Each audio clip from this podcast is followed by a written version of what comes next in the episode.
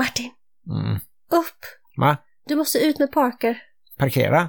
Nej, alltså Parker, vår hund, han måste ut och kissa. Ja visst, jag fixar det. Men Martin, somna inte. Du måste upp Mm. nu. Va? Jaha. Du måste ut med Parker. Ja, ja. Mm. Nej, men jag fixar det. Nu somnar du igen. Äsch, jag får göra det själv. Don't tell me that your life is dull and grey. My only answer is hey, hey, hey, hey. Let's go crazy in the wild, and if by chance we make a child, that just means that we're alive and healthy. Hej och välkomna till avsnitt 212 av Bonuspappan och Plus mamman. En podd om livet i en bonusfamilj med tyngdpunkt på föräldraskap och relationer. vi sänder i samarbete med Hallands Nyheter, dagstidningen där jag jobbar i Varberg, men som även kommer ut i Falkenberg med omnejd. Mm. Och snart ska vi ju få en liten hundvalp och då kan det vara bra att ha en man som jobbar på en tidning.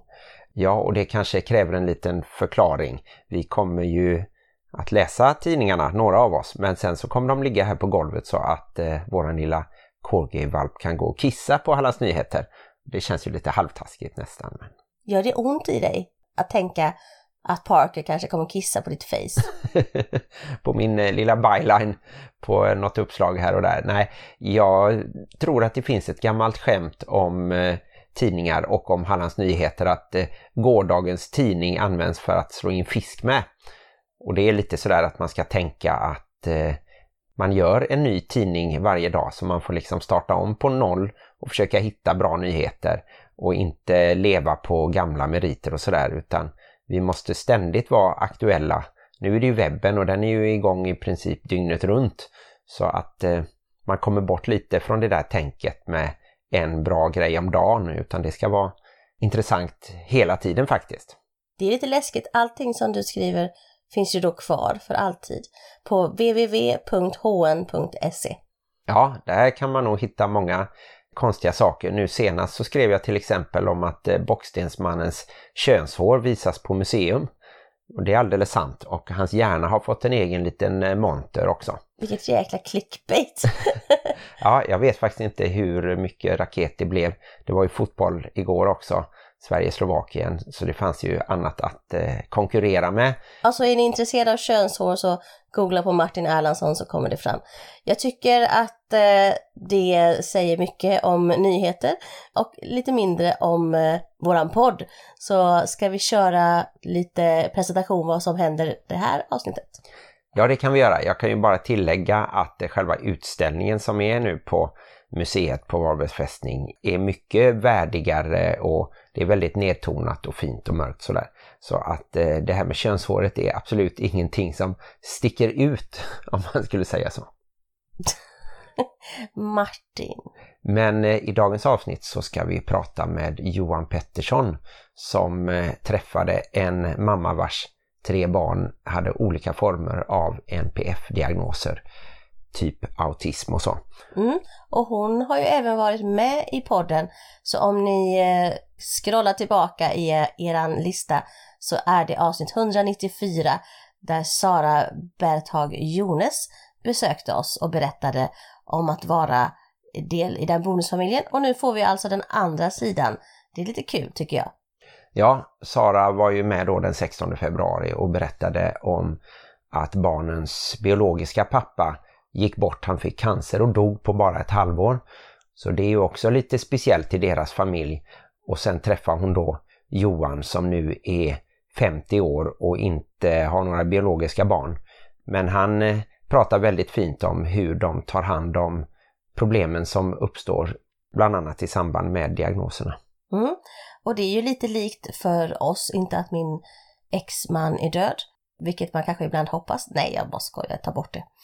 Mm. Lova? nu kom jag av mig, så det här kanske kommer med i alla fall för att du är så lite full i fan när du tittar på mig just nu. Jag misstänker att det här kanske kommer med i alla fall. Anders, jag önskar aldrig någonsin livet av dig. Jag tycker det var jättetrevligt att du var här på Saga student och så. Och att du stjäl mina rabarber. Kan man säga att man lägger rabarber på rabarber? Jag ska nu försöka komma tillbaka till tråden att det är lite likt i vår familj. Du eh, har ju inga biologiska barn, men fyra bonusbarn. Och eh, jag tycker att både du och Johan visar att det faktiskt går att bli en engagerad förälder även om man inte har några biologiska barn själv. Även på gamla dagar trodde jag du skulle säga bara för att vi är några år äldre än Jag dig. tänkte Sara. försöka vara snäll för en gångs skull. Men både jag och Johan är ju väldigt eh, pigga och vältränade och smarta för vår ålder. Förlåt Johan, det var bara en pik till Martin. Du är ju så ung. Martin är ju faktiskt 52. Jag har inte fyllt än. Hur som helst, innan vi lyssnar på Johan och hans klokheter så kör vi lite Hänt i veckan. Och det händer ju alltid mycket saker i veckan som vi glömmer bort. Men det som har hänt är ju att jag har börjat mitt sommarjobb nu. Jag har ju tjatat om det i två avsnitt. Men nu har jag jobbat min första dag och det var jättekul. Jag bara gör det som jag alltid gör, alltså laga mat till 100 personer. Och så får jag betalt för det. Mm, det är härligt. Och eh, jag kan tänka mig att du satte ordentlig fart eh, men kanske inte tog över så att du blev någon kökschef så riktigt. Men jag Eh, vill inte vara chef. Jag blev ju spådd en gång för, också för hundra år sedan då. Martin tycker inte att jag ska överdriva men det känns så ibland. Det var ett helt annat liv när jag var på bröllopsresa i Thailand med min första man. Så blev jag spådd av en munk att det är inte bra för mig att vara ledare utan att jag ska vara en liten anka som följer efter och det tycker jag stämmer ganska bra. Jag gillar att vara den bäste bakom chefen helt enkelt så att jag alltid kan skylla på någon annan. Och vem ska då vara chef i våran familj? Är det jag som ska försöka vara det? Det är Parker. det, det kommer bli hundvalpen Chefen som, kommer imorgon. som bestämmer över oss alla. Inte chefen, han är en corgi, ska vi komma ihåg. Ja, just det. Men de har ju lite drag av chefer fast korta ben och sen lite gulligare så. Och så gillar de att eh, nafsa i hälarna. För att de har eh, sån här fårvallningsanor. De är fårhundar helt enkelt. Samlar in jorden, heter det fårjord? ja, det måste det ju heta. The Herd tänker jag på. Helt osökt, inte för att jag tittade på filmen Split här förra veckan. Men annars, i veckan, kommer du ihåg någonting från veckan? Nej, men nu när du sa eh, med hunden så kom jag ju på att eh, det kommer nog att bli så att vi kanske inte kan hålla uppe våran utgivningstakt. Så att om vi någon tisdagmorgon inte kommer ut med ett avsnitt så är det för att vi har haft så mycket annat att göra nu under sommaren. Vi kommer inte ta en hel paus men vi tänkte att vi håller det lite fritt och går lite på inspiration och någon gång så kanske vi plockar upp någon tidigare intervju som har försvunnit från iTunes och Spotify och Acast och överallt där vi finns eftersom det nästan bara är 150 avsnitt som visas där. Alla avsnitt finns ju på Castbox så där kan ni också gå in och hitta gamla intervjuer. Men eh, vi förvarnar lite om det att vi kanske har det lite friare här under sommaren. Men stackars alla som har lyssnat på varenda avsnitt och faktiskt kunnat göra det varje vecka. Det var måndag från början och sedan bytte vi till tisdag. Men vi har ju ändå varit väldigt enträgna ända sedan starten 2017 där i juni. Jag undrar om det kommer vara så att folk blir alldeles förvirrade, irrar omkring i livet och inte hittar sin mening. Ni som känner att eh, ni faktiskt fortfarande vill att vi ska ha ett avsnitt i veckan, ni får gärna mejla oss. Eh, Ni kan även swisha till 037. ja, precis. Skicka lite hundmat till oss.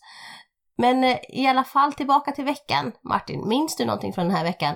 Jag minns att du har jobbat väldigt mycket och att du faktiskt har försökt jobba från din arbetsplats. Vilket har varit mycket lugnare för oss som är här hemma. Ja, men det har varit lugnare för mig också. Jag har haft några jobb där jag var tvungen att eh, vara på plats. Bland annat eh, den stora pressvisningen av museets utställning och så.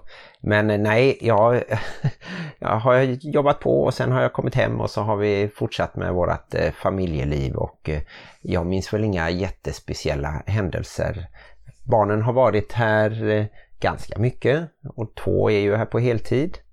Men eh, det har väl inte varit några speciella problem eller, eller så. Nej, vi har återhämtat oss från studenten som ju då var förra veckan om ni kommer ihåg det och det har varit fint väder. Vi har varit ute. Vi har badat i eh, den här vattenspridaren och eh, Nessie har varit hos oss. Det är ju sommar och sommarlov nu för alla barnen och det innebär ju då lite mer matlagning och lite mer långa sovmorgnar men i och med att vi nu bor i ett stort hus så tycker jag att det känns inte trångt eller så. Man får liksom gå och leta efter folk. Är de hemma? Är de inte hemma? Och så mycket så här ringa och smsa varandra fast man är i samma hus. Ja, det känns ju lite lustigt när man ringer någon och så är den personen på övervåningen så. Men eh, så är det nog i alla familjer. Ja, vi är som eh, familjen Spelling. De hade så stort hus så att de var tvungna att åka sån här liten bil mellan, eh, liksom, om man skulle från ena sidan av huset till andra sidan av huset. Jag minns ju, var han producent för Beverly Hills, eh, Aaron Spelling kanske han hette, och då såg han till att hans dotter fick en roll i, i den tv-serien. Hon var en av de ljushåriga tjejerna där ja. Hon kanske inte var världens bästa skådis, jag vet inte, men hon hade ju en väldigt rik pappa som sagt. Ja, men hon eh, funkade, tänker jag. Ska man spela blond så kan det ju vara bra att vara blond. Mm. ja, men en rolig fördom. Vad menar du? Jag är helt oskyldig. Förlåt alla som är blonda, jag har inga fördomar mot någon hårfärg. Möjligtvis Martins hårfärg. Vad är den då? Ja, men jag tänker så här gråhåriga män, de ska vara på ett speciellt sätt. Sandré kanske jag har, jag vet inte. Gråhårig är jag ju bara vid tinningarna. Fläckvis. Men kommer du ihåg något speciellt från veckan? Ja, men jag minns faktiskt att eh, vi hade besök av en köksman. Så vi ska få ett nytt kök. Det tycker jag är väldigt roligt. Att få äntligen få ett kök som eh, matchar min personlighet. Ja, lite nedtonad eh, mörkgrön då. Nej, grå. Olivgrön kanske. Grå? Är det din personlighet? Ja, jag är som Mr Grey. 50 shades of Grey, that's me. Och med det så kanske vi ska gå över till intervjun med Johan Pettersson i Bua här norr om Varberg. Tycker du inte att jag har haft en intressant vecka?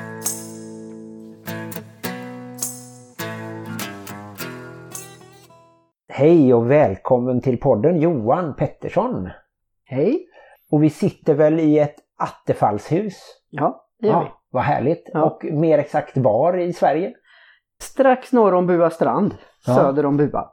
Härligt. Och du jobbar väl i närheten också? Ja, jag jobbar på Ringhals. Mm. Var kommer ordet attefall ifrån? Jag tänker att det låter lite som ättestupa, men ändå inte. Det var väl någon som hette Friggebo, Birgit Friggebo, som döpte den. Och så var det väl någon annan politiker som hette Attefall. Ja, Jaha, det var inte värre än så. Fast det är lite större tror jag än en Friggebo. ja 10 kvadrat större. Ja. Ja, men vi sitter alltså med en ringhalsare Ja, och eh, en bonuspappa. ja. Mm. Men inte biologisk pappa. Nej, jag har inga egna barn. Nej, det är lite samma som för mig då. Ja, Ja. Ser du några fördelar eller nackdelar med det? jag har inget att jämföra med. Nej. Så att det är som det är och jag tycker väl att det är rätt häftigt. Ja. Ja, Hur växte du upp? För du växte ju upp eh, uppe i trakterna där jag pluggade. Sörberge mellan... ja. Sundsvall och Härnösand. Det Ja, till och med det, Det ja. ligger i Timrå. Mm, mm. Ja. Det räknas som det. Växte du upp i en kärnfamilj eller hur Ja. såg det ut? Det gjorde jag. Mamma, pappa, en stora syster och en lillebror. Och en katt. Och då på den tiden var det ju inte lika vanligt med bonusfamiljer känns det som. Nej, det var ju, jag tror i den klass som jag gick i nio år, det var väl eh, en förälder som skilde sig. Mm. Men annars bodde ju alla med sina föräldrar. Och så flyttade du hit och fick jobb på kärnkraftverket här ja. Ja, Mm. till slut. Och när du träffade Sara, hur gick tankarna då med tanke på att hon hade barn tidigare men hennes man hade då gått bort? Ja, jag tänkte väl mest på att hon var en, en vän. Jag hade ju träffat henne i samband med att jag hade hängt med Svante hem någon Mm.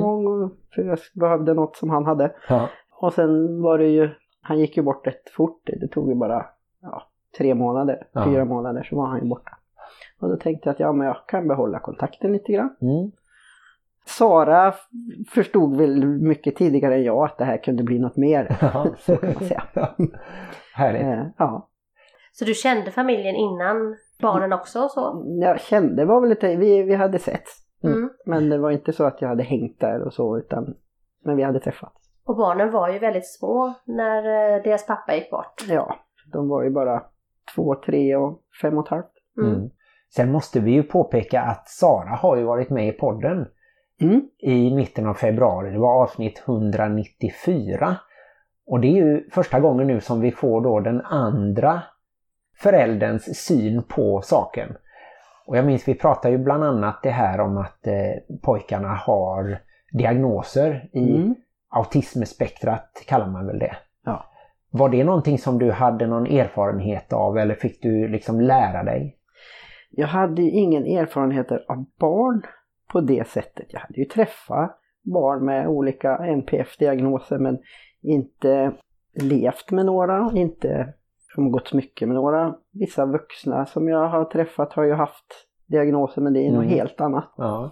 Jag var engagerad i RSMH i Varberg i många år.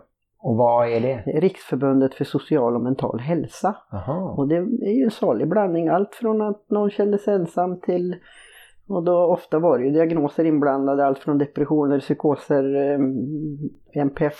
Alltså att man hade grava problem. Så där hade jag ju träffat de vuxna men eh, aldrig barnen. Men du kanske hade läst en del ändå och Ja, kommit och in jag i det så? var ju rätt intresserad av det här hur man bemöter då personer med inom autismspektrat, Aspergers kallade man det Mm, då. mm. Och då kom man ju in på, ja men hur är de som barn? Och jag var iväg på mycket föreläsningar och bland annat Bo Heilskov var jag på föreläsningar och tyckte att det där var ju fräckt. Och jag har ju syskonbarn utan NPF men jag testar ju på dem och det funkar ju, alltså det blir ju jättebra. Ja, just det. Alla barn mår bra av lågaffektivt bemötande. Just det. Ja. Men det gynnar ju framförallt de här barnen med NPF. Hur var den första tiden? Kan du minnas och återberätta någonting? Ja, det var ju mycket lära känna naturligtvis. Eh, Jag kommer ihåg vår första semester, det var en chock. Var det Kolmården? Ja, det var Ja, Kolmården. den har vi hört talas om. Ja, eh, det var en chock. Just det här att jag hade ju bara perspektivet att åka på semester med någon polare själv eller som barn. Men just allt det här plocket och runt omkring och att eh, jag hade någon slags bild av hur det var att vara på en familjesemester som inte stämde Nej. överhuvudtaget. jag vet jag stod och försökte få upp en pojke, han åkte, vi var i badhuset där på Kolmården. Och han åkte, det fanns en sån här eh, fors som går runt Ja, runt. just det, och just det är ju fantastiskt och han ville ju inte gå upp. Nej. Och vi hade väl bokat tid någonstans och Sara hade ju redan gått med två. Mhm. Och försöka få upp honom där. Ja, det var... Och hålla sig lugn liksom och inte... Ja, jag kan säga att jag misslyckades och insåg mitt misslyckande och fick ju börja om. Mm. Mm. Mm. Å andra sidan så är du ju säkert en trygg norrlänning och har liksom står stabilt och man måste väl ändå känna sig själv mycket för att klara av ett sånt här möte. Ja, och det kan jag känna att jag har ju lärt känna mig själv mycket, mycket bättre sen jag träffade de här barnen. Just det. Jag trodde jag var en lugn och trygg och stabil norrlänning alltid, men icke. Men hur kändes det då efter den här semestern? Du tvivlade inte på att du skulle klara av det ändå? Ni fortsatte er relation helt uppenbart eftersom vi är här nu idag. Ja, det var nog första och enda gången vi har bråkat jag och Sara också, men det be- berodde på att hon blev rädd och jag visste inte att hon var rädd för att någon tog i handtag som var låsta. Jaha, okej. Liksom så här, men Ja. öppna då. Ja. Så det var ett missförstånd, men det var ju liksom droppen som Mm. fick mm. det till att bli ett, det är nog det gräl vi har haft. Ja, ja, ja. Ja men då så, då var det avklarat. Eh, Ja, ja. Hade ni eh, någon liksom plan för sådär hur du skulle introduceras i barnens liv eller liksom vilken roll du skulle ha i familjen? Nej, jag tänkte väl att här får jag vara bonuspappa. Jag Mm. får ju vara den vuxna i, som står bredvid Sara och att vi tycker lika inför barnen. Mm. Vi upptäckte ju ganska tidigt att vi hade rätt bra alltså våra värdegrund var rätt lika, alltså hur man förhåller sig till barn. Ja, just det. Mm. Det är nog skönt att ha det. Det kan ju vara vissa som hittar, man hittar varandra i eh, musiksmak eller politik eller eh, klädsel eller alltså Ja. någonting och, och sen så kan man bygga på det liksom. Ja. Ja. ja. Så Sara är ju min första långa relation också. Jag Mm. har ju bara haft massa korta innan. Så att Mm. Det var ju väldigt...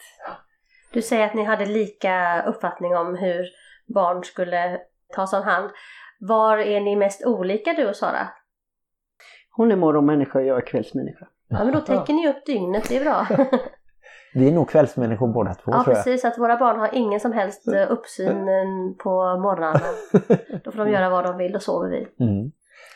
Och sen det här lite speciella då att eh, Svante han fick ju cancer, var det 2012 kanske och sen så gick det på bara några månader då. Mm. Och då lever ju du hela tiden med en biologisk pappa som inte är närvarande fysiskt Mm. och, inte, och inte kan ta hand om barnen eller Nej. och inte kan bråka men samtidigt heller aldrig kan göra fel. Så det blir Nej, en nej. liten, liten speciell eh, bild av det där kanske. Ja, jag tycker att det kan få vara så. Ja. Du har aldrig känt att eh, du har eh, fått leva i någon slags konkurrens med en död man eller så? Nej, Nej. det har jag inte gjort. Men Det ju kanske jag som- har gjort men det är inget jag har upplevt. Nej, precis. Ja, Men det är en bra inställning att man inte... Nej, för det, det är ju egentligen bara äldste pojken som kommer ihåg sin pappa. ja, just det. Och han Mm. har ju sina minnen, de måste ju Mm. han få ha. Mm, mm. Och sen det är klart, barnen ser ju dig som pappa och de kanske kallar dig pappa men de kan ju kalla dig Johan. Det, det är väl sånt som barnen får välja lite. Ja, de har ju alltid kallat mig Johan. Ja, Och det får de göra. Ja, Men ja. om de frågar vem jag är så säger de ju att det är min pappa. ja. Så att, Kan du minnas någon gång när det har varit någonting på tal som har rört det här med att de faktiskt har en annan pappa? Kan du minnas någon gång när det har antingen varit en eh, kontrovers eller har de sagt någonting eller något sånt? aldrig. Aldrig. Nej. Nej, det är skönt. Det, det är liksom det här med MPF, det här autistiska, de är väldigt här och nu och har de även om de har autism alla tre så är de ju otroligt olika i sina spektrum Ja.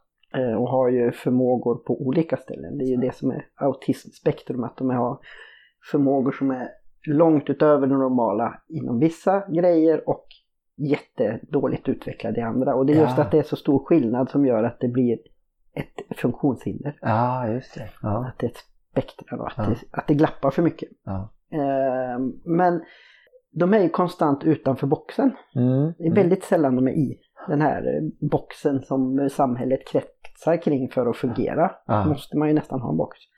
Men det gäller ju att få de här tillfällena när boxen ska stämma överens med barnen. Alltså Mm. till exempel skola. Mm. Mm.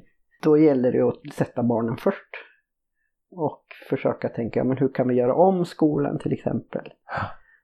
Men då är ju skolans värld väldigt fyrkantig. Tyvärr. Ja. Så att det är väldigt svårt. Mm. Mm. På tal om skolan, eh, tycker du att du har upplevt att du eh, räknas som en förälder i skolvärlden? Det är en del bonusföräldrar som känner att de ibland kan vara lite utanför där.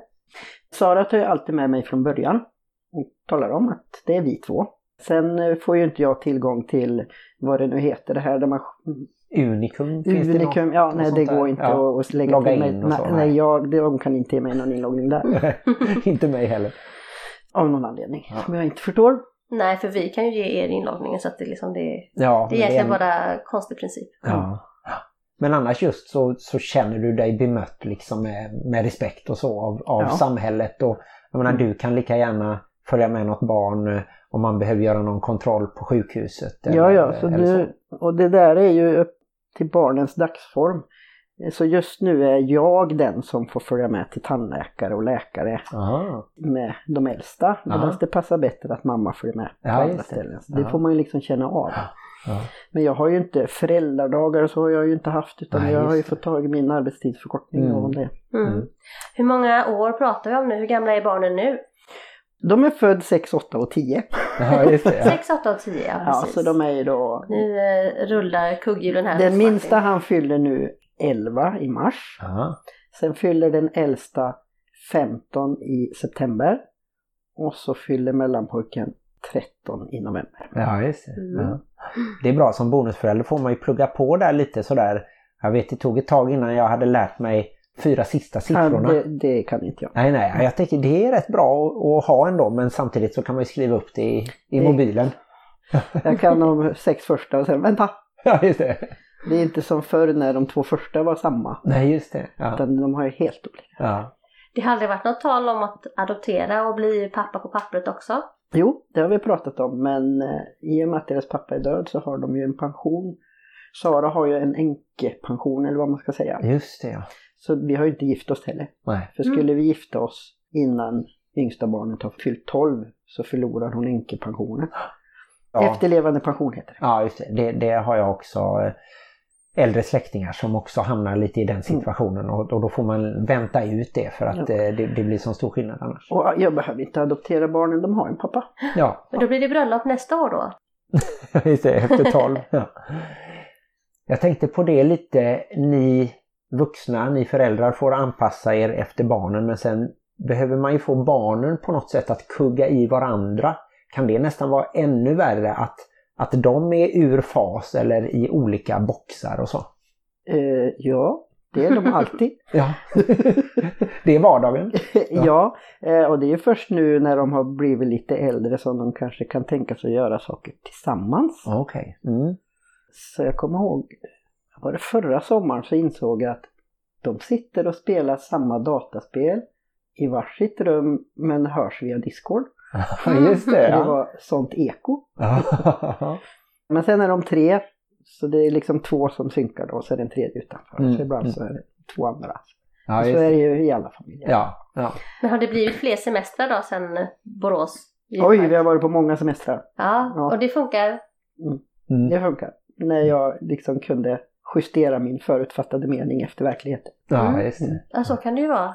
Att, man, eh, att justeringen kan ligga hos en själv egentligen när man Mm. tänker att alla andra ska förändras. Hur tänker du dig i framtiden så här? Man kollar några år eller, eller tio år till och med. Om en tio år då har vi nog tänkt att då får nog sista ha flyttat hemifrån. Mm. Så vi tänker ju redan hur ska vårt boende se ut då för då är det här huset för stort. Ja, precis. Så vi har ju tankar och idéer och tittar ju Ja. samtidigt som vi pysslar och vill göra ordning. Mm. Vi har ju bara bott här tre år. Vi har ju fortfarande staket som ska upp. Och... ja. finns alltid något att göra när man är husägare. Så. Ja. Mm. Och då får man se hur mycket barnen klarar själva eh, Ja. och sådär. Och de kanske behöver assistans av något slag och så. Ja men det, det är nog det vi jobbar med mest nu. Hur ska de klara sig själva? Mm. Alltså lär dem de här basic sakerna. De får följa med och handla och tänka själv. Vad räcker pengarna till och vad Mm. behöver jag och vad behöver jag inte? Mm. Rena kläder, det kommer inte av sig själv. Nej. Nej. Mat kommer inte av sig själv. Och de har ju lite olika intressen men mellan pojken han gillar att laga mat. Ah. Ja, Jag tänker det som våra lyssnare antagligen är nyfikna på det är om du skulle kunna ge något tips så här.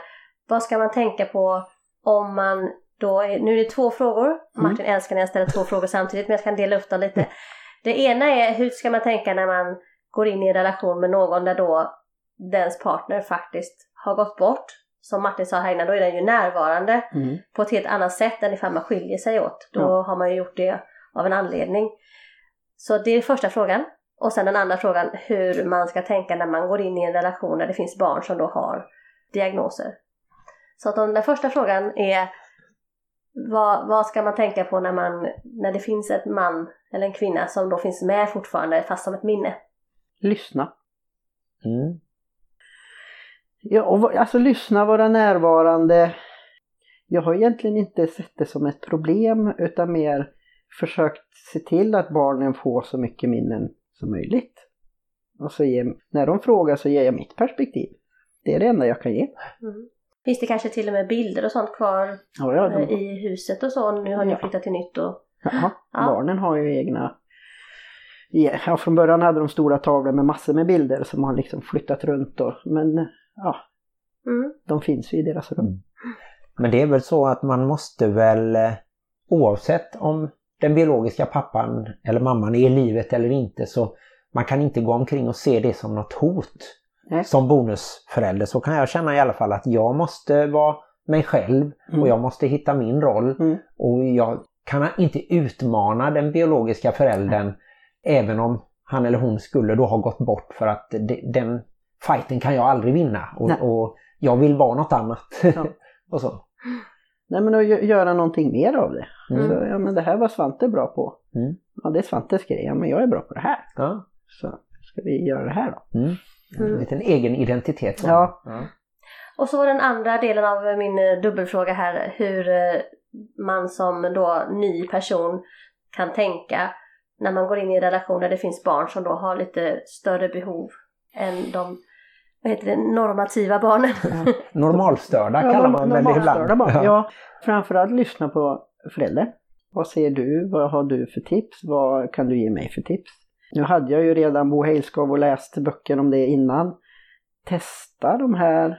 Alltså jag har ju legat på golv och viskat många gånger. Ja, just det. och jag har varit arg på personal, avlösarpersonal till det. exempel som har gått fram och tagit tag i. Ja men han, han hade ju kunnat kasta sönder tvn. Ja, Men Men vad är det- mest värt? precis. Du ska bara gå ut med hans lillebror. Du ska inte ta tag i honom. Nej. Det här med viska på golvet, det får du berätta mer om. Men lågaffektivt, alltså om du viskar, då har du liksom ingen, då är du inte ett hot. Nej. Och ligger du ner, då är du inte ett hot. Liksom det sämsta man kan göra det är att gå fram, ta tag i och höja rösten. Ja, just det. Alltså det gäller att vara precis tvärtom. Blir de arga och tar tag, ja men då ska jag sänka mig. Ja. För det är affektsmitta. Mm. Alltså ligger jag på golvet och, ett, och viskar, kan det smitta av sig? Ja.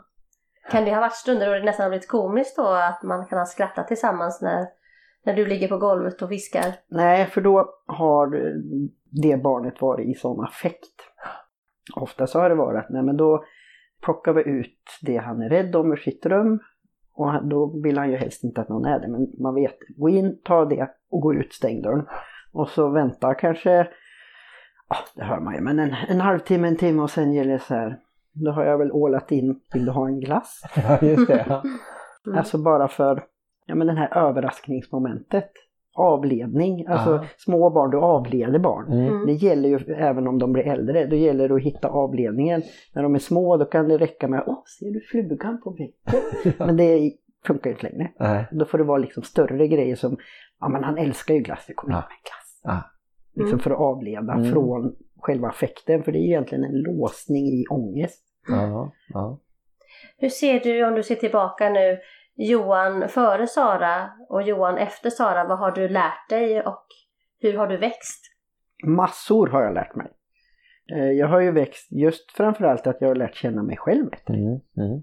Jag är inte den här trygga, tysta jämt, utan jag kan faktiskt bli riktigt förbannad. Ja. Men att det går ju inte med de här barnen utan då får jag gå ut. Och så får jag stå Hugga och ved. hoppa i skogen istället. Mm. Ja, förra huset vi bodde då gick jag ut i garaget och stod och hoppade. Mm. Vi fick ju byta när man kände att nej men du kan inte vara lågaffektiv, då får man ju gå. Ja. Och det är sånt här som jag aldrig hade lärt mig annars. Mm. Mm. Jag har aldrig tyckt om att laga mat. Så jag har aldrig kunnat laga mat, men Nej. nu kan jag massor med rätter. Just det. Mm. Ja. Och lite olika till de olika... Ja, de är aldrig, aldrig samma. Nej, de, de ska ha det de gillar då. Ja, ja, och det är glutenintolerans och ja just det. Ja. absolut inte glutenfritt på vissa. Nej. Jag har ju hört från en del föräldrar som har barn med diagnoser att de ibland uppfattas från samhället då att de curlar sina barn och, och eh, har ni fått höra det också att Ja. eh, varför gör ni så? Det är väl bara att sätta ner fot. Ja, hur bemöter ni det? Ja, nej men ja, ehm, det beror ju på hur, hur väl man känner den här personen men annars så kanske jag bara säger ja ja. Så, Du de, bemöter dem också Nej men alltså de har ju ingen aning. Nej. Man kan inte ha en aning. Jag hade ingen aning innan jag gick in i en sån här familj. Eller ingick i. Nu ingår jag i en sån familj Ja. så nu har jag ju en helt annan förståelse. Du kan inte förstå det genom att titta. Men jag tror att vi har fått ändå en liten aning. Jag eh, känner mig nöjd och nyfiken också eh, samtidigt. Och just det här att det då fungerar även på helt vanliga barn och kanske på vuxna, kanske på chefen. Om chefen blir arg så ska man absolut inte tillföra energi utan bara backa och vara cool och liksom Mm. sådär. Då kan man få eh, säkert andra slags relationer i familjen och utanför och så. Mm. Mm, ja, Bo Ja, tror är ju våran idol också. Ja, okej. Vi Ja, hade ju med honom i podden här tidigare. ja, vi minns inte vilket avsnitt det var men, men det kan vi ju kika tillbaka på. Ni, ni som är nyfikna, han är i Varberg ibland och har föreläsningar vet jag för Mm. kommunen bland annat. Jag minns att han sa det här med rephållare som jag alltid haft med mig sedan dess. Att man, eh, man kan bara, bara man vet vem som är rephållare så är det inga, inga problem. Nej, det var väl ett danskt uttryck eh, tror jag som han hade med sig eftersom han är född i Danmark att ofta den biologiska föräldern kanske var rephållare och fick ta lite större ansvar, i alla fall i början. Eh, och så kunde bonusföräldern ta, ta sina 30-40 procent eller så. så att, ja. Tack så jättemycket Johan för att du delar med dig av allt det här och eh, fortsätt lycka till i familjen Tack så med mycket. Sara och pojkarna. Ja, Mm, tack. tack.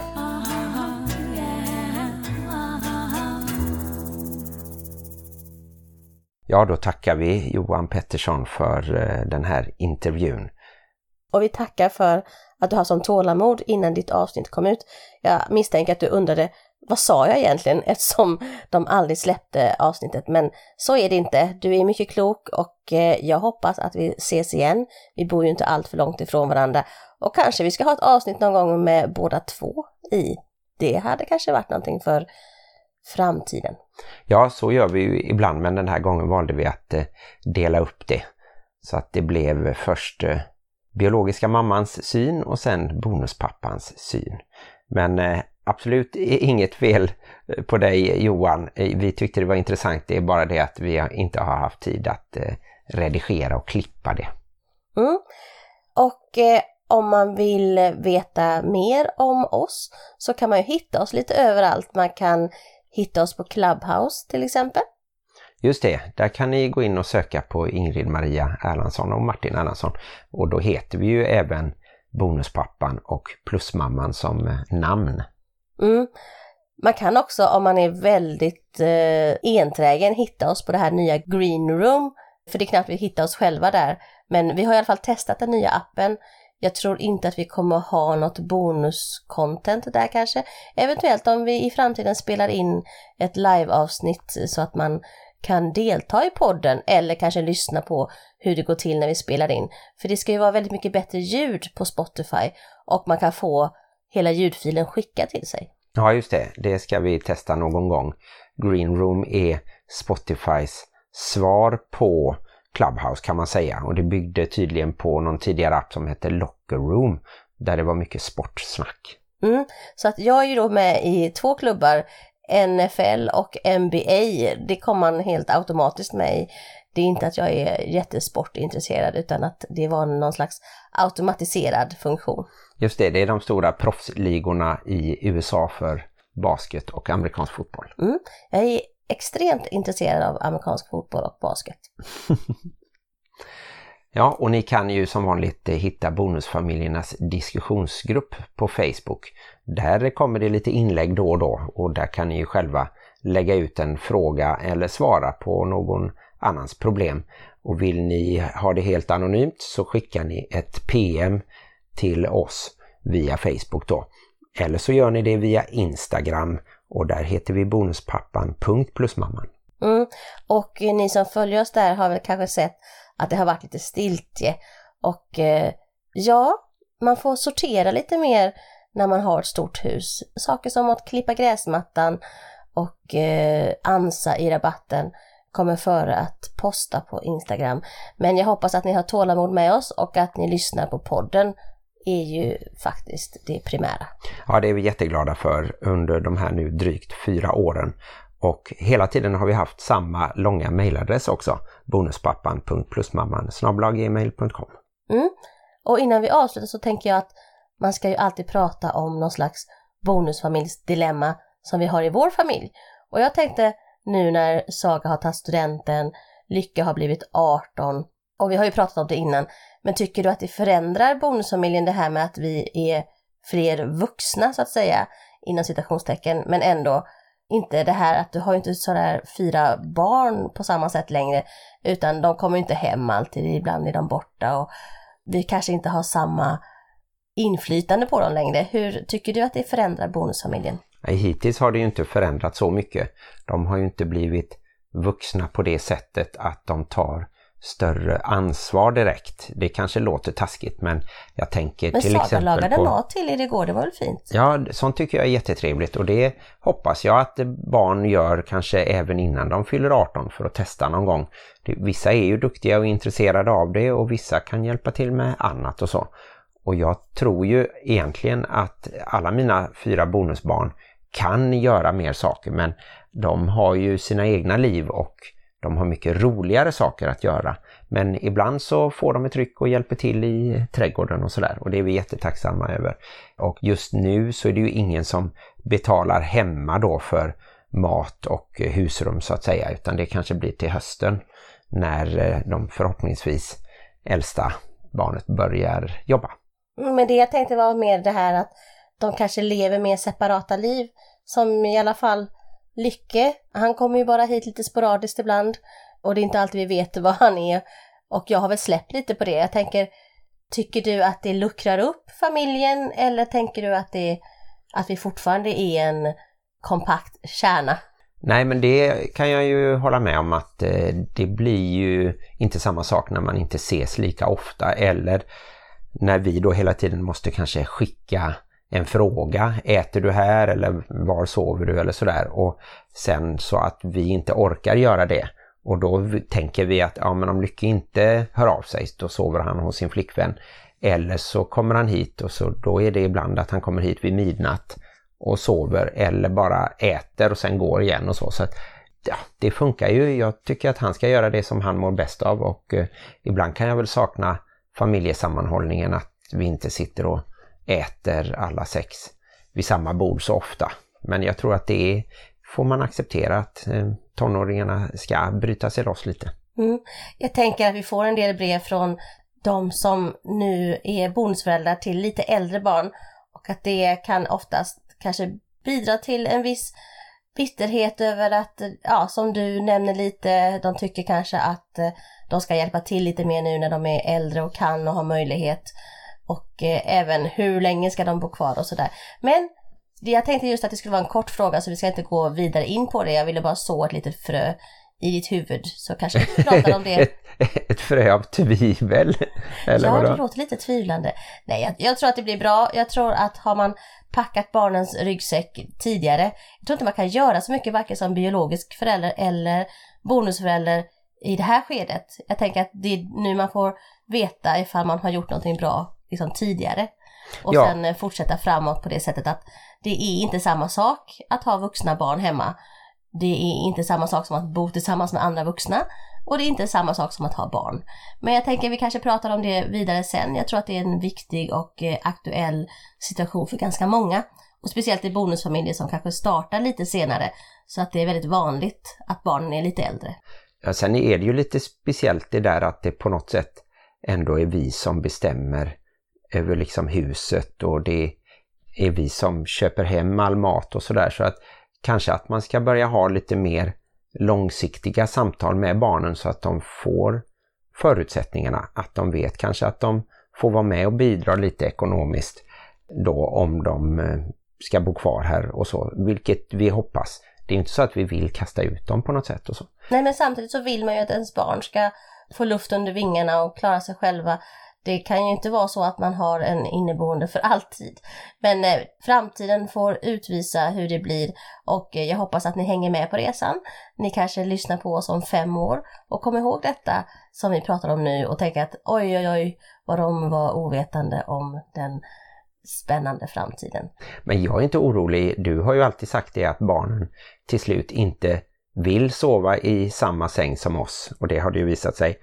Även om minstingen tvekar ibland så när, när hunden är här så vill hon också vara här numera.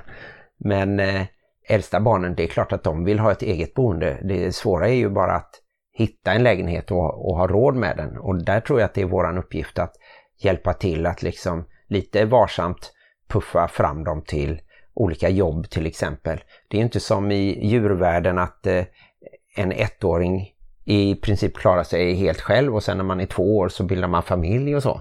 Som eh, fåglar och kaniner. Det är Och, konstigt Ja. säga. Men de lever ju inte lika länge så att det har väl någon slags procentuell betydelse det där att man bildar familj när man är två år. ja, men jag tänkte också att förr så kanske man slutade skolan när man var 14 och sen så bildade man familj när man var 19 och sen så dog man när man var 60 eller någonting sånt här och nu allting flyttas ju fram så nu känns det ju som att man är barn tills man är 25 kanske och så bildar man familj när man är 35. Mm. Men för att avrunda det här så tänker jag, hör du dig själv säga de här klassiska orden så länge du bor under mitt tak. Ja just det, men är inte det från den där amerikanska filmer så? Nej, jag tänker att det är helt eh, klassiskt. Jag tror att alla föräldrar säger det, eller åtminstone tänker det, någon gång under sina barns uppväxt. Tack för att ni har lyssnat allihopa. Ha en underbar midsommarhelg kommer ni att ha innan ni lyssnar på nästa avsnitt i alla fall. Och vi önskar er sill, jordgubbar, blommor och potatis. Och glöm inte att livet i bonusfamiljen kan vara besvärligt. Men också härligt. Hej Hej då! då! Får vi se om det blir något avsnitt nästa tisdag. Jag hoppas det. Det kan vara ett litet avsnitt. Vi bara säger hej! Välkommen till bonusfamiljen. Hej då! Vi lovar ju inte att vi inte kommer ut varje vecka. Precis. Vi lovar inte att vi inte lovar att vi lovar. Vi har bara en liten brasklapp att eh, vi kanske tar en liten kort paus då. Jag tror inte att vi kommer klara av pausen.